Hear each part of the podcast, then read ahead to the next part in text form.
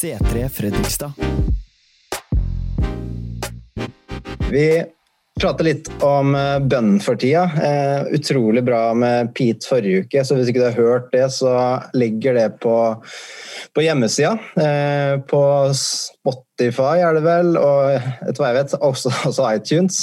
Så bare gå inn og hør på prekenen der også. Vi snakker litt om eh, bønn for tida, noe som vi føler er veldig viktig, spesielt på førsten av året, å høre hva Gud sier til oss. Og jeg skal snakke i dag eh, om en disippels bønn. Eh, det er så lett å henge seg opp i egentlig personlige problem, hvis det er noen som har lagt merke til det. Hverdagslige tidstyver, eh, frustrasjoner, ting som kanskje burde vært annerledes. Da. Og kanskje distansen til folk og kirke nå i koronatida. Det er mange ting vi kan henge oss opp i. Og bønnene året også blir litt sånn automatisk eh, om disse utfordringene i hverdagen. Da. Eh, det som oppstår rett og slett følelsene våre, hodene våre og, og hverdagen vår. Og det er ikke veldig rart, det gjør vi alle sammen. Og det er så lett å be bønner da, om ting som en gang vil forsvinne, eh, som vi ikke kan ta med oss til himmelen. Eh, bønner som kanskje handler om mer jordiske verdier og istedenfor himmelske verdier. Eh, jeg tenker vi, vi kan be bønner som handler om å, som Bibelen sier, skatt, samle oss skatter på jorden da, og ikke i himmelen. Og det, det er en ting som vi som følger Jesus, vi har et blikk oppover og ikke bare nedover. Eh, livet her på jorda det er jo faktisk en, en pust da, i forhold til den evigheten vi har framfor oss. Og vi snakker kanskje ikke så mye om himmelen, men det er en realitet, det er en sannhet at det finnes en himmel som vi skal tilbringe en evighet i. Enten sammen med Gud eller i fortapelsen. Og Bibelen sier at selv om vi er i denne verden, så er vi ikke av denne verden. Og men vi er barn og vi er disipler som faktisk ligner mer og mer på vår far, da, som bor i himmelen. Så vi har en posisjon fra himmelen, og det her gjelder også i bønn. Eh, fordi vi tilhører Gud og, og ikke djevelen, så, så, peker vårt liv oppover eh, og ikke nedover. Eh, og vår bønn er ment å peke opp på Jesus, og det, det har vi snakka om så mange før, at eh, vi, jo mer vi peker opp på Jesus, jo mer blir også vi forvandla. Og, og, jo mer vi peker opp på han, jo, jo, jo mindre blir problemet også. Bønnen vår blir da forma av det blikket oppover. Jesus han vil at uh, våre bønner uh, At vi gjennom våre bønner vi kan motta tilgivelse uh, gjennom våre bønner. Vi kan også få, Gud kan også gi oss en forventning, en frimodighet, en trygghet og tillit innenfor Han. At vi ikke er ofre innenfor Han, men vi er Guds barn som kan forvente noen ting fra Han som gjør oss, gjør oss frimodige, som gjør oss glade, trygge. At vi kan komme framfor Han med, med frimodighet. Og I Hebreerne 4,16 så står det La oss derfor frimodig tre fram for nådens trone, så vi kan finne barmhjertighet og finne nåde som gir hjelp i rette tid. Og I Efeserne 3,12 så står det i Han har vi frimodighet, altså Jesus, og i troen på Han kan vi komme fram for Gud med tillit. Det er utrolig. Med, med tro, tillit, vi kan stole på Han. Andre Korinterbrev 3,12 sier at det, slik vi har et, siden vi har et slikt håp, går vi fram med stor frimodighet. Og det her er en ting som vi kan ta med oss inn i bønn også, en disippels bønn som har en frimodighet i seg pga. at vi har sett noen ting som gjør at vi kan komme framfor Gud med frimodighet på tross av det og det og det, den og den følelsen, dem og de omstendighetene. Så er det noe i oss som gjør at det, Gud, jeg kan komme framfor deg med frimodighet på tross av. Og det, det, det, er en fantastisk følelse at vi kan gjøre det, og det er, en, det er, faktisk en realitet at vi faktisk får lov til å gjøre det. Noen ganger så føler vi at vi ikke får lov til å komme med frimodighet pga. ting, men vi får lov til å komme framfor Han med frimodighet. Eh, hvis du skriver noen litt notater, så er eh, første punkt Dere vet at eh, når jeg kommer tilbake som pastor, så er det alltid tre punkter, og det skal du få her nå. Så i Salme 139 23-24 så står det Ransak meg, Gud, og kjenn mitt hjerte. Prøv meg og kjenn mine tanker. Se om jeg følger avguders vei, og led meg på evighetens vei. Så det første punktet er en disippels bønn. Ransak meg. En sippel ber 'ransak meg'. Den vanligste bønnene er dem vi, har, dem vi ofte forteller oss selv. Altså, jeg spiser vel ikke så mye usendt, vel. Det er bare annenhver dag, litt sånn her og der. Og jeg er ikke materialistisk, jeg bare liker fine greier. Eh, jeg stoler på Gud med mine penger, selvfølgelig, men eh, jeg har bare ikke alltid råd til å gi til inden. Eh, jeg gjør ikke noe feil når jeg ser på lettkledde damer på nettet. Jeg bare liker god og sunn fysikk og trening. Eh, jeg baktaler vel ikke, jeg, jeg, jeg bare forteller sannheten. Altså, det er løgner som vi forteller oss selv for å kunne beholde noen ting som ikke er bra for oss, som ikke tilhører Gud, eh, og som ikke er hans karakter. Om vi vil følge Jesus og la oss forme av han, så er derfor den bønnen her veldig aktuell. Ransak meg, Gud, og kjenn mitt hjerte. Prøv meg og kjenn mine tanker. Det er en veldig ærlig bønn til Gud om at han skal få se, altså ransake meg, tale til meg om hva som helst, og jeg er villig til å følge. Eh, og det vi frykter mest altså det vi frykter mest, avslører hvor, hvor, vi tror eller stoler minst på Gud, vil jeg si. Det vi, det vi, frykter mest, avslører egentlig hva vi tror minst på Gud på. Eh, det kan være frykt for fortida som innhenter oss. at eh, vi, vi, vi, tror ikke at Gud tilgir og forsegler det som har vært i fortida. Kanskje frykt for noe som kanskje vil skje barna våre. Eh, altså, vi tror kanskje ikke at Gud er den som beskytter oss. Frykt for at uh, tinen stjeler min økonomiske frihet og det jeg ønsker meg. Da er det kanskje ikke at vi stoler på at Gud er vår forsørger. Frykt for å gi til andre når vi føler at det vil tappe meg sjøl. Uh, kanskje vi ikke tror på at Gud er vår styrke og velsigner, og at uh, den som gir, den får. Det er mange ting som vi kanskje frykter, som har med at vi ikke stoler på Gud å gjøre. og Derfor er vi også litt sånn i bønn noen ganger at det, vi ber om de tingene vi frykter, fordi vi ser egentlig ikke hvem Jesus er. Men når vi begynner å se hvem Jesus er, at han er tilgiveren, han er beskytteren, han er velsigneren, han er vår frihet, så blir vår bønn også veldig mye mer frimodig. Den blir ikke så veldig nedoverlent, men den blir oppoverlent til Jesus. Eh, så det å ikke bli stolt det tror jeg er veldig viktig, men å ydmyke oss og be om Gud om å ransake oss. Ransake oss hvor da? Det er kanskje der de nærmeste av oss reagerer mest på oss. Har du tenkt at kanskje det er en ting vi, vi kan ta framfor Gud?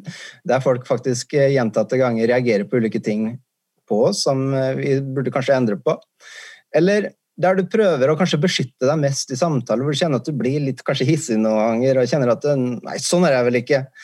Eller der du prøver å kanskje finne noen unnskyldninger og kompensere litt eh, grunner og balansere litt ting for å ja, kanskje beholde noen ting og legge litt ting under teppet, rett og slett. Altså, det er mange ting som på en måte legges i mørket, som vi ikke tar fram framfor Gud. Eh, men det å legge søppel under teppet, det, det, gjør ikke at det forsvinner. Det gjør bare at det lukter mer og mer. Og I Bibelen så står det også at Gud står står den stolte imot, men den ydmyke gir han nåde. Og det er en ting å ta med seg også. La oss, altså la oss komme framfor Gud med frimodighet og ydmykhet og legge alt framfor Han. Det tror jeg er en kjempe, kjempebønn som vi ikke våger å gjøre noen ganger, for vi frykter hva Han sier. Men bare si, Gud, jeg legger meg her framfor deg. Jeg bare ransaker meg, Gud. Jeg vil følge deg. Jeg vil ha ditt beste liv. Det er en disippels bønn.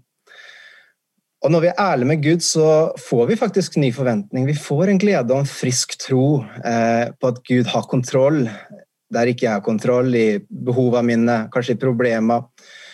Og det som har med oss å gjøre, for det, det er en veldig viktig ting. Gud ønsker å være der sammen med oss. Eh, men da begynner de å be en bønn. Gud, ransak meg, fordi jeg vil følge deg, og jeg vet at du har det beste livet for meg. Det er en disippels bønn for deg som ønsker å følge Jesus og være hans etterfølger. Bare fordi at man kaller seg kristen, betyr ikke at man er en disippel. En disippel er den som følger Jesus, og som ber bønner også, som ikke bare er det beste for meg, men som ærer han, og som peker opp mot han. For jo mer du ser på han, jo mer blir du forma også lik han. Det, det her er en fantastisk ting vi kan ta med oss. En disippels bønn, et andre punkt. Eh, Bryt meg ned, Gud. Det, høres helt forferdelig ut. Ransak meg, bryt meg ned. Men det her er bønner før bønnene. Det her er bønner vi trenger å be før de andre bønnene, som gjør at vi kan se Gud framfor oss og komme frimodig innenfor Han. Det er det vi vil. At Gud virkelig skal komme nære oss og velsigne, og virkelig At Han svarer på vår tro. Som jeg sa sist, så det at vi har et behov, gjør ikke at det alltid Gud svarer, men det at vi kommer med tro innenfor ham, det gjør at Gud kommer og velsigner. Bryt meg ned. Av ulike grunner så kan våre hjerter være fylt noen ganger av kan jeg kjenne på, en tomhet. Noen ganger så blir jeg rett og slett stolt, kanskje bitter i perioder, likegyldig at man eh, synder og gjør ting man angrer på. Eller at man kjenner rett og slett en distanse fra Gud. Jeg vet ikke hvordan det er med dere, men i hvert fall så er det følelser som kanskje er hos oss mange ganger. Kan også være veldig åpen for Gud og kjenne at ja, men har en relasjon med Gud, men likevel så tillater vi på en måte en håpløshet da, å være, være, i våre hjerter, og en, kanskje en fortvilelse, en ensomhet, kanskje en frykt som vi bærer på, og som kanskje får lov til å styre oss mer enn eh, det vi burde.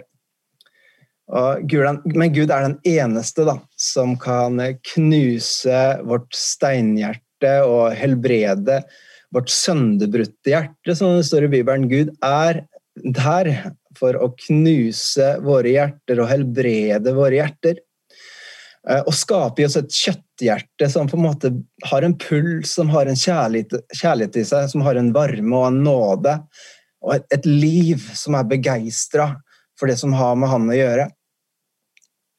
At man får brann tilbake i hjertet sitt. At du kjenner at det, det er Jesus, jeg bare elsker deg. Og, og, og, Noen ganger så føler vi ikke det. Vi bare sier 'Jesus, jeg elsker deg'. Vi kan si det, for vi, vi, vi, er kristne og vi, vi skal liksom be enkelte ting som vi har lært osv. Men tenk å virkelig mene det.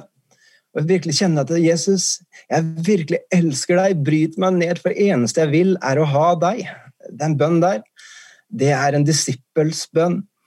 Og Istedenfor å la problemene for å bryte oss ned hele tiden, så kan vi be Gud om å bryte oss ned. Eh, det, det tror jeg er en ting vi kan ta med oss. Istedenfor å la problemene få bryte oss ned, så kan vi be Gud å bryte oss ned. For den som dør, den skal finne livet. Så, så når vi ble døpt, så ble vi begravet, men vi ble opp og opp, også oppreist. Og det er det Gud gjør. Han bryter oss ned for å så reise oss opp, mens problemene bare bryter oss ned for at vi skal forbli nede. Og Gud han venter på at du skal bli lei og be de samme bønnene hele tiden. Problemfokuserte bønner, kanskje forutsigbare bønner kjedelige, balanserte, kraftløse, distanserte bønner da, uten noe håp eller forventning eller hjerteslag fra Gud. Det blir liksom de samme reglene, samme kristne quotesa som vi tar fram, og, og, som vi egentlig ikke tenker så mye på egentlig hva vi sier. Vi bare sier det. Vi har en, kanskje en bønneliste over det og det det trengs. Vi, vi La oss be for det sammen. Og, men vet du hva, vi har liksom ikke gitt hjertet vårt inn i det. Fordi at eh, Gud han, han, har ikke fått brutt det ned ennå, sånn at vi kjenner pulsen av han når vi ber. Eh, selvfølgelig Gud han, han, tar seg tid til å høre på våre klagebønner. Jeg, jeg klager mye framfor Gud. Altså jeg, jeg, har mange behov, og det tror jeg du har. og han, han, hører på det her. og Det er ikke sånn at du skal være Supermann for å komme framfor han. Men eh, så han, han, tar seg tid til å høre på det. Han, du er jo tross alt barn av Gud, og foreldre de, de hører på barna sine. og De tåler det at barna blir sinna og fortvila og, og, og, klager og skulle ønske at ting var annerledes. Til og med noen ganger Nå stikker jeg, jeg gidder ikke å høre mer på deg, pappa. liksom. Og sånn, sånn, er vi alle som mennesker. Men jeg tror også Gud venter på at vi til slutt da, eh, kan legge oss ned, eh, komme til han og legge oss på operasjonsbordet, så han får en mulighet til å helbrede oss. Eh, og opprette oss og utruste oss med det vi trenger. At eh, det øyet som gjør så vondt fordi det er sanden i det, at, at, vi kan komme til han sånn at han kan forskylle det øyet. Men det gjør så utrolig vondt. Ja, men vet du hva? Bare vent litt nå, for det her blir veldig bra. Bare jeg får rensa det øyet ditt, så blir det veldig bra til slutt. Istedenfor å gå med det sanne øyet, så kom til Gud, sånn at han får lov til å rense deg og bryte ned deg. I Jakob 4,8 så står det at det, som sagt, at Gud han gir en ydmyke nåde. Det betyr at det, han gir hjelp til den som er ydmyk, og som lar seg bryte ned av han. Bryt meg ned, det er en, det er en bønn av overgivelse til Gud. Eh, som bare ikke kommer av seg selv. Vi kan prøve å overgi, jeg overgir meg, men det har noe med hjertet å gjøre, hvor vi faktisk gir Gud all kontroll. Eh, du ber en bønn hvor du bare blåser i hva andre sier. Eh, og liksom ja, du, du, bare driter i hva du vil miste, på en måte. Du får være bare jeg, bare jeg har Jesus, bare jeg får være sammen med han. Det er en, det er en bønn hvor du bare du bryr deg bare om å behage Gud, og, og, og hva han sier, det er det, er det, viktigste for deg. Fordi han har brutt ned ditt hjerte. Du ser at du, du er ingenting uten han. og Eh, det spiller ingen rolle om tårene kommer, du, du tillater, til og, tillater til og med tårene å komme. Og du stiller deg rett og slett naken og sårbar innenfor Gud, og det, jeg tror det er en fantastisk ting i Guds øyne òg, at vi som barn vi kommer sånn til Gud og kaster oss på Han og Gud, hjelp meg. Gud, bruk meg. Jeg har ingenting i meg selv, men i deg så vet jeg at alt liv fins, all kjærlighet fins. Så om man blir oppreist fra mørket og følger Jesus, så er denne bønnen utrolig viktig. Be Gud om å bryte ned din synd og stolthet, og kanskje din dypeste smerte som vi har noen ganger. Kanskje sår fra fortida, kanskje hemmeligheter eller masker og ensom. Det er så mange ting vi kan tenke på. La Gud få bryte ned de tingene der, sånn at du slipper å beholde det i livet ditt og kjenner at du er helt nedfor og under i bønn når du kommer fram for Han. Jeg kjenner jo til mange kristne settinger ofte som Man har det superbra sammen. Liksom, å, man har spist, og man koser seg, og, og så skal vi be, og så bare mm det er sikkert noen som har tenkt litt sånn at eh, når man ber, altså, blir så litt sånn nedstemt, litt sånn alvorlig, og, liksom, og, nå skal vi koble oss på her, liksom. Men og, eh, Kanskje det er bare jeg, men, men, jeg har i hvert fall opplevd det. Det spørs hvilken bønnekultur man har, selvfølgelig. Men jeg, jeg, jeg, håper vi kan ha en bønnekultur i kirken vår så at eh, ja, dagen har vært kjip, og at vi er ærlige med det vi opplever framfor hverandre. Og virkelig kan hjelpe hverandre med de tøffe tinga. Men vi ber også at vi kommer med forventning og frimodighet og tro framfor ham, for vi vet kanskje at selv om det er sånn, så vet vi hvem Gud er. Vi vet hvem han er, og det er faktisk han vi retter bønn til, og ikke problemene. Så derfor kan vi komme med frimodighet innenfor ham, fordi Gud han har ransakt meg. Han har fått lov til å, å, bryte meg ned, sånn at det som står igjen, det er jo bare han. Jeg har ikke noe mer å gi. Det er jo bare han. Kan jeg like godt bare kaste meg på han og være frimodig. Det er en bønn som gir slagkraft som en disippel av Gud. Og du gjør ikke det her uten å ville følge han. Eh, mange har kanskje mistet den disippelholdninga som sa at en, en gang tok, man, tok man imot Jesus, men det var på en måte bare en startskudd. Men det å følge Jesus, det, det, er en annen ting. Hvor vi overgir oss daglig. At vi bærer vårt kors daglig og, og går med Han. Legg derfor alt som fins i mørket, inn i lyset framfor Gud. Det, det, det, sier jeg til Gud at det ønsker jeg å gjøre, og noen ganger så glemmer jeg det, og da får jeg det bare verre. Men eh, du vil da føle at du, du, aldri har vært så nære Gud når du først gjør det. Eh, du vil med glede bare bli klar for alt han vil med ditt liv. Du blir klar for det. Du kjenner at det, wow, her er det liv. Det er akkurat det her jeg trengte. Markus 14, 3-4, der står det Jesus var i Betania hos Simon den spedalske. Men, de lå til bords, men da, da de lå til bords, kom det inn en kvinne med en alabastkrukke med ekte og kostbar nardussalve. Hun brøt krukken og helte salven ut over hodet hans.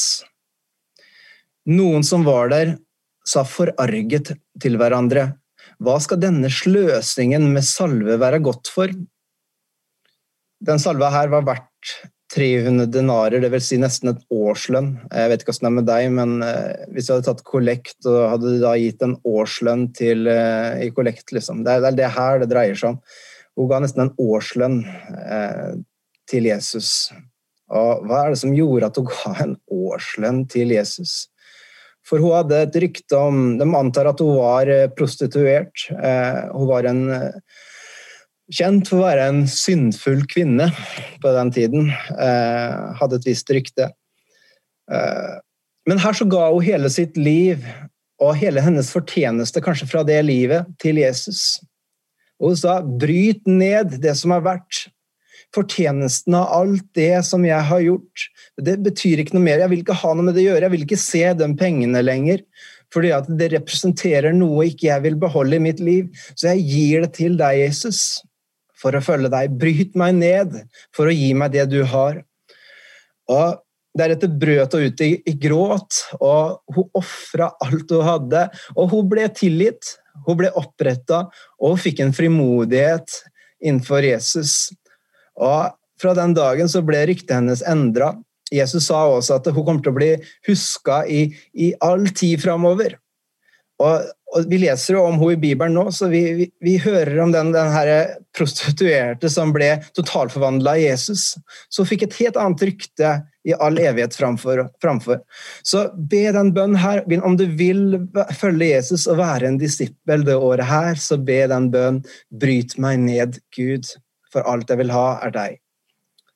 Siste punkt i dag er en disippels bønn. Send meg. Først så sa vi 'ransak meg', så var det bryt, 'bryt meg ned', så var det 'send meg'. Jesaja 6,8 så står det om Jesaja, da, som sier da, da hørte jeg Herrens røst. Han sa, 'Hvem skal jeg sende, og hvem vil gå for oss?' Jeg sa, 'Jeg, send meg'.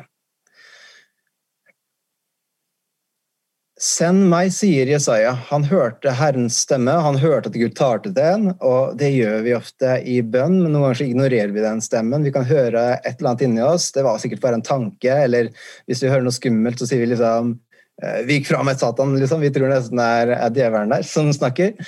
Men eh, noen ganger så taler Gud til oss om ting han ønsker også at vi skal gjøre. Ja, han er der for deg, han vil gjøre ting i deg, han vil gjøre ting for deg. Men han vil også bruke deg til å gjøre ting for andre. Noe som er en disippels karakter. Å være som Jesus og bli sendt han ble sendt fra himmelen for å dø på et kors for at du og jeg skulle få liv med han. På samme måte så blir vi sendt ut for å bringe evangeliet om Jesus, bringe den gode nyheten om Jesus til andre. Og De fleste bønner handler om hva Gud skal gjøre for oss, og ikke hva vi kan få lov til å gjøre for Gud. Eh, det er en, altså Bønnen 'send meg' det handler om en villighet til å være en Jesu etterfølger og disippel og bare følge han dit han kaller oss, og dit han vil gå. Eh, jeg tror Jesus er så mange steder eh, hvor ofte ikke vi er. Han har vært der før oss, og nå ber han kom til de stedene her, kom til de menneskene, for her er jeg, følg meg dit. For de trenger en kaffe, de trenger en samtale, de trenger noen som kan gi dem en oppmuntring. Jesus er der mennesker er. Og som disipler så går, følger vi Jesus dit mennesker er. Bønnen handler om en ekte villighet til å bare så inn, gi og investere inn i det som har med Gud å gjøre. Søk først Guds rike og hans rettferdighet, skal du få alt andre i tillegg. Søk først Guds rike og det som har med Han å gjøre, og hans rettferdighet, hvor, hvor fantastisk stor Han er, så skal du få alt det andre i tillegg. Å investere og gi inn i kirken og i mennesker som Gud elsker og vil gå til. Vet du at kirken er Guds kirke? Det er noe Gud har etablert, og ikke noe vi har etablert. Da hadde vi slitt. Men det er Guds kirke. Det er noe Gud bruker for å bringe ut budskapet til mennesker. Ikke for at man skal sitte i et bygg og snakke om behov og problemer man aldri kommer seg ut av. Jesus vil at vi skal vokse opp til modenhet, bli disipler av han, sånn at vi også kan bli sendt ut på tross av at vi har våre egne behov. Og det er så lett å heller be Gud om å sende noe andre. Jeg vet, jeg, hvert fall jeg har hørt på bønnemøter opp igjennom at Gud, send vekkelse! Gjør noe i byen vår! Altså, døm og den personen. Gud, bare gjør noe der, liksom. Altså, det er jo fantastiske bønner, men det handler ofte om at kanskje en kirke eller enkeltpersoner skal fylle den behova der. Selv om man kjenner det sjøl, så er det man, vil liksom ikke bli sendt sjøl, men Gud gjør det gjennom andre, liksom. og, og, sånn kan jeg tenke mange ganger òg, hvis det er ting jeg ikke vil. Det hadde vært så mye deiligere å vært hjemme mens andre hadde gjort det for meg. Eller liksom, eh, hvis jeg bare kunne sendt uh, kroppen min på, på, treningsstudio mens jeg hadde ligget ned på sofaen min sjøl, liksom. Det hadde vært utrolig deilig. Hvor liksom kroppen kunne ordne det sjøl, og jeg kunne vært hjemme. og sånn er det litt med bønn også, at uh, vi blir sendt, og det kan føles som et offer, og det er det, men for fordi vi følger Jesus, så det en enorm glede med å, å, gi og investere inn i det som har med Gud å gjøre, det som har med kirke å gjøre, det som har med samfunnet å gjøre.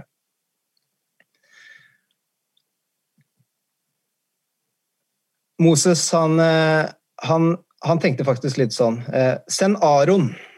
Han kan prate for seg.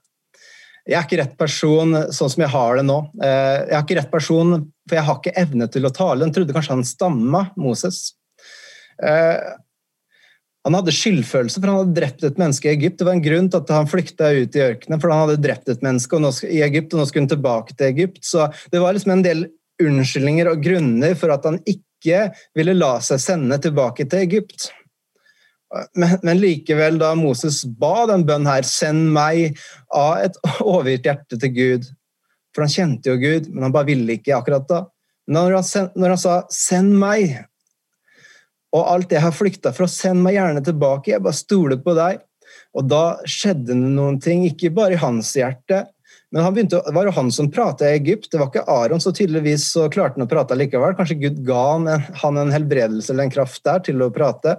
Det var en frimodighet som kom når han sa 'send meg'.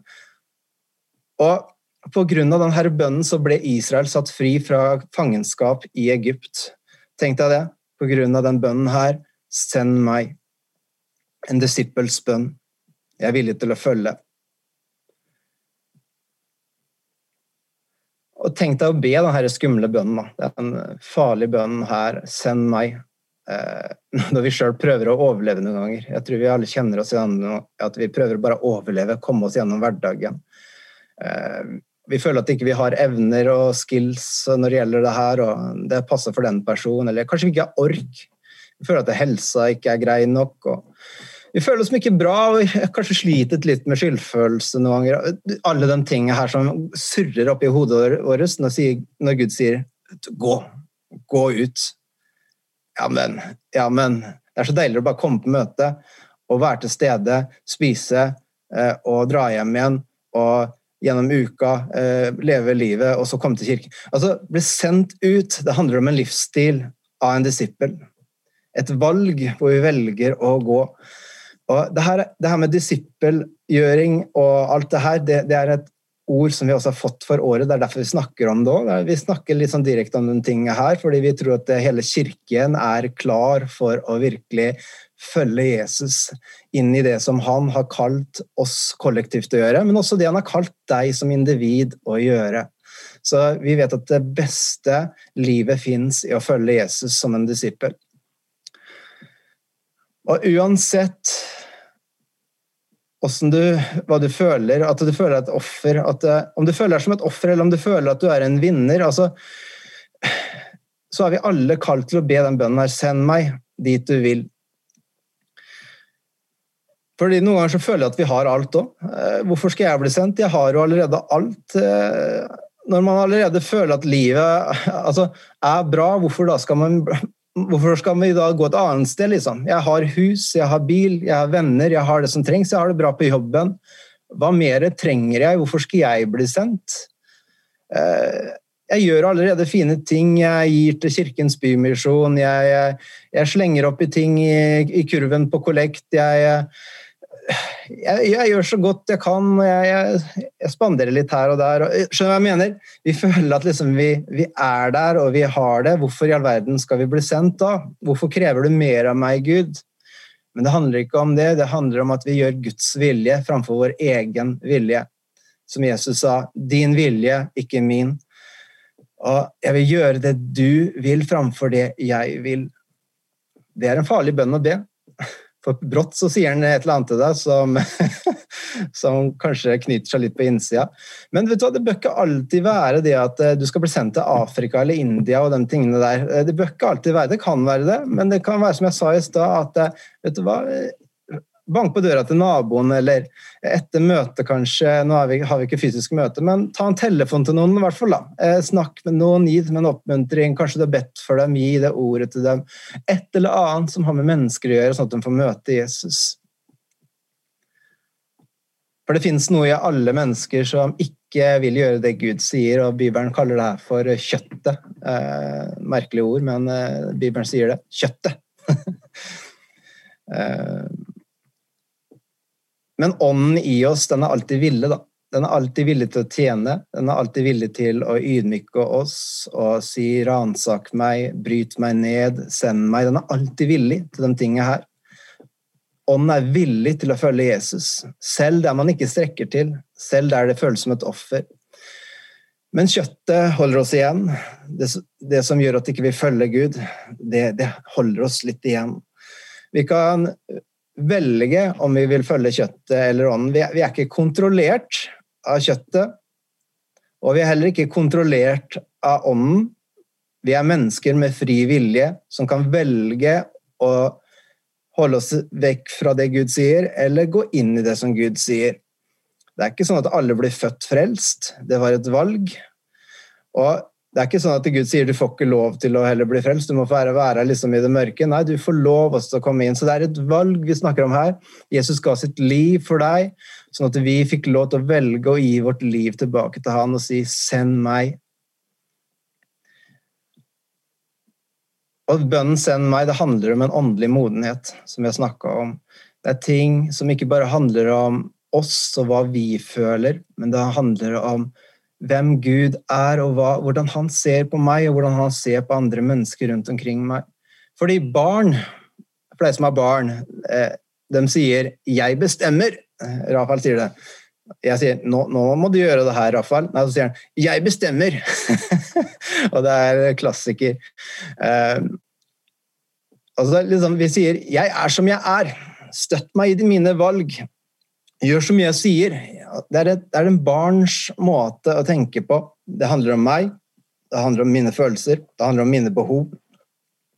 Men en forelder eller en disippel, en som følger Jesus, han ber ransak meg, gjør meg mer lik deg, Jesus. Koste hva det koste, si hva enn du vil, ransak meg, Gud, for jeg vil komme nære deg. Jeg vil ikke stå på avstand og late som ingenting, jeg vil komme nære. Et barn det kan be jeg gir deg alt mitt lommerusk, men la meg få beholde egentlig det andre.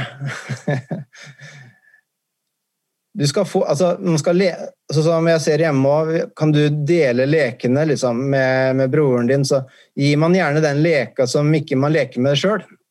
Eller som på en måte man ikke bryr seg om så veldig mye sjøl. Men å gi den beste leka, det koster litt.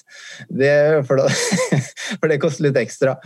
Og foreldre og disipler kaller, ber den bønnen her Send meg. Jeg gir mitt liv for å tjene Jesus og betjene andre mennesker som trenger å møte han. Jeg kan gi det mest dyrebare jeg har, bare jeg får lov til å følge deg, Gud. Det spiller ingen rolle om jeg så må bytte jobb eller flytte ditt, eller eh, starte det eller avslutte det, så er jeg villig til det, Gud. Bare jeg får få lov til å følge deg. Eh, om du vil være en disippel som følger Jesus, så be den bønnene her. Eh, så skal du se hvordan Gud taler til deg. Du skal se at Gud han tilgir deg. Han helbreder deg, han oppretter deg, og han vil bruke deg. En disippels bønn vil forvandle deg fra innsiden og ut. det vil gjøre deg mer lik Jesus. Ikke perfekt, men mer og mer lik Jesus. Sånn at andre kan si at Jesus fins. Er ikke det bra? Jeg vet at de fleste har mute, men eh, en tommel opp. I hvert fall så har det her vært ting som har jobba i, meg eh, veldig lenge. At eh, jeg vil være en disippel på også de områdene som ikke jeg har latt Gud få slippe inn på. Det finnes sånne områder. Vi føler at ja, jeg er en disippel, jeg følger Gud. Jeg, men det er også områder hvor ikke vi gjør det, som vi trenger å legge framfor Gud og si 'ransak meg, Gud', hva har du å si på de områdene? Og hvorfor gjør det så vondt i meg? Bryt ned det vonde i meg, sånn at jeg kan heller bli sendt ut til å gjøre hva du vil med de tingene her. Eh, det er alltid områder som eh, vi har i oss, som vi kan få lov til å gi til Gud nå i førsten av året, så vi kan se hva han vil gjøre.